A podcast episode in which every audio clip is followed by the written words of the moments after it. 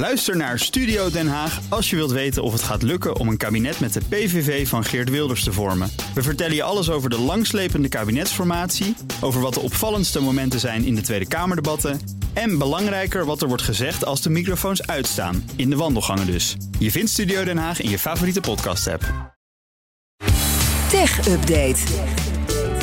En voor het laatste technieuws is Michiel Jurjens in de studio. Hey Michiel, goedemiddag. Goedemiddag, hallo. Nieuws dat net binnengekomen is. Twee nieuwe megaboetes voor Meta. Ja, 390 miljoen euro gaan die boetes bij elkaar kosten. Die komen van de Data Privacy Commissioner in Ierland, de DPC. Is een beetje vergelijkbaar met onze autoriteit persoonsgegevens. Meta krijgt die boete omdat ze ja, nog altijd op een verkeerde manier met gegevens van gebruikers omgaan. Op het moment dat ze die gebruiken voor die gepersonaliseerde advertenties. Het gaat dan specifiek nu om advertenties op Facebook en Instagram, allebei Ja. platforms van eh, Meta. Vandaar ook twee boetes. Voor Facebook 210 miljoen. Instagram moet 180 miljoen betalen. En eh, zo komen we dus op 390 miljoen euro. Ja, Ja, en wat heeft Meta dan precies eh, volgens de toezichthouder dan verkeerd gedaan?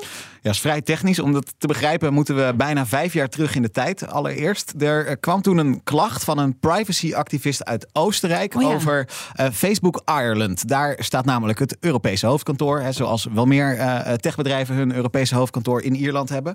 Die activist die vond dat gebruikers, dus ja, ook jij en ik, hè, wij zitten op Instagram, expliciet de keuze moesten krijgen of Meta hun persoonlijke data al dan niet mag gebruiken voor die reclamedoeleinden.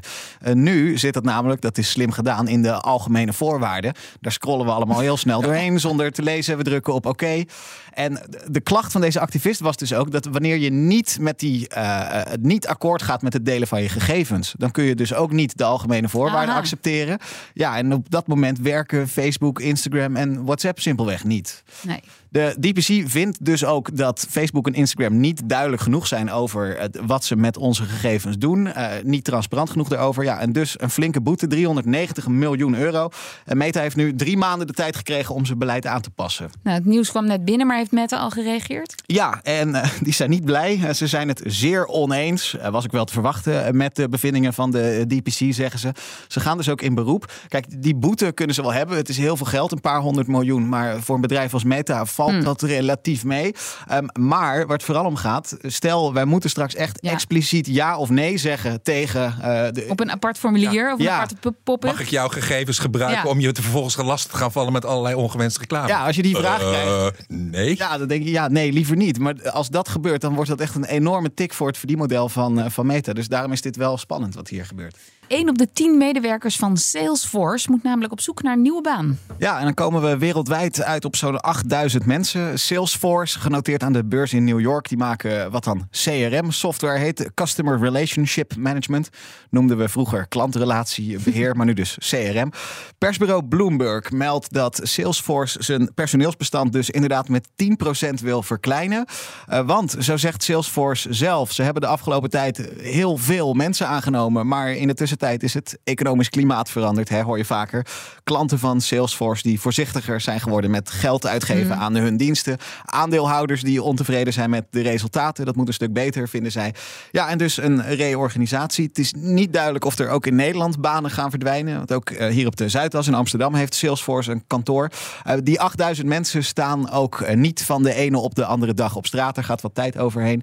Ze willen aan het einde van het fiscale jaar 2024 klaar zijn met die. Reorganisatie. En eh, nou, beleggers die reageren er in ieder geval enthousiast op. Het aandeel staat zo'n 3% hoger dan eh, toen de beurs in New York gisteren dichtging. Oké, nou, eh, positieve reacties dus. Las Vegas dan, wat maakt zich op voor de grootste techbeurs ter wereld? Ja, en die wordt groter dan ooit dit jaar. De CES, de Consumer Electrics Show. Eh, vier dagen lang in het Las Vegas Convention Center. De afgelopen twee jaar, je zou het bijna vergeten, maar was er de coronapandemie. Dus ja, toen moest het allemaal eh, kleinschalig ingetogen gebeuren. Maar nu bijna 2500 bedrijven die daar eh, ja, laten zien waar ze allemaal mee bezig zijn. Ook de grote jongens, Google, Microsoft, Sony, Intel. Die zijn allemaal in Las Vegas deze dagen. Ja. Ja, waarom ben jij daar niet, Michiel? Eh, dat is een hele goede vraag. Eh, nou, gaan we het later over hebben. Daar heb ik ook geen antwoord op. Maar als de hoofdredactie of de sponsor meeluistert, ik eh, Allebei? was er heel graag heen gegaan. Ja. Maar goed, want wat gaan die bedrijven laten zien, denk je? Ja, nou, heel veel televisies eh, op de CES dit jaar. De- vooral interessant is dan de, de, de QD OLED-techniek. Daar wordt heel veel in eh, geïnvesteerd. Dat zorgt dan voor een heel goed contrast, hoge helderheid, nog veel meer kleurbeleving. Gewoon Kleurbeleving, heel, mooi heel, woord, heel ja. mooi beeld.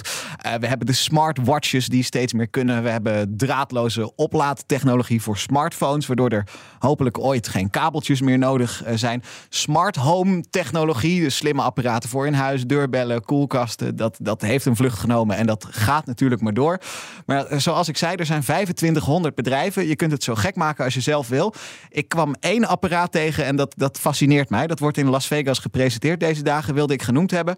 Namelijk de Smart Hummingbird Feeder van het bedrijf Bird Buddy. Dat is een vogelhuisje met AI dat automatisch vogelvoer afgeeft. Ik zie je kijken, wat Ja, bizar dit heen? maar ja, Ja. het bestaat dus echt. Dat geeft dus automatisch vogelvoer af, maar er zit ook een camera in met bewegingssensor. En als er dan een vogel bij je langskomt, dan maakt het vogelhuis daar automatisch foto's en video's van. En de AI in je vogelhuisje kan dan eh, ook nog eens 350 soorten vogels onderscheiden en documenteren en bijhouden voor je. Dus Die dan krijg wil je ik. bericht, er hangt een rode pimpelmees eh, voor je Ja, camera. krijg je een pushmelding, Oh nee, het is een eh, kraai. Ja. Ja, en, en die had je al of die had je nog niet. En eh, d- ja, het slaat nergens op, maar het, het kan en het is allemaal in Las Vegas daar, ja. Nou, tot slot, de stad Antwerpen kan door een hek geen parkeerboetes meer innen. Dus gratis parkeren daar? Ja, ja. Voor hoe lang? Ja, echt gratis eh, parkeren daar. Ja, hoe lang nog is een beetje de vraag. Maar het kan wel al bijna een maand. Ehm, Oh. Op 6 december eh, zijn in Antwerpen computersystemen van de gemeente aangevallen. Deels platgelegd ook. Actie is opgeëist door een hackerscollectief. Die dreigde eerst om dan gegevens openbaar te gaan maken van burgers. Wilde losgeld hebben. Nou, wat de eigen onderzoek van de gemeente. eh, die claim klopte niet. Geen gegevens buitgemaakt. Gelukkig ook maar. Maar er is dus wel een ander probleem. De Antwerpse wethouder van mobiliteit die zegt tegen de VRT dat ja, bepaalde systemen nu niet zijn gekoppeld. En daardoor kunnen mensen die niet betalen voor hun parkeerplek niet beboet worden.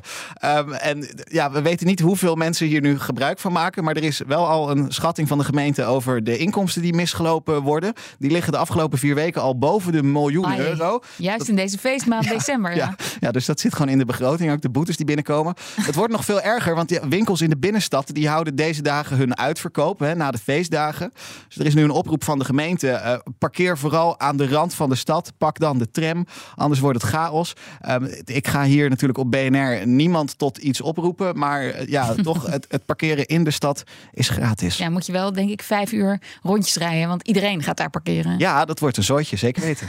Dankjewel. Michiel Jurjens. De BNR Tech Update wordt mede mogelijk gemaakt door Lenklen. Lenklen. Betrokken expertise, gedreven resultaat.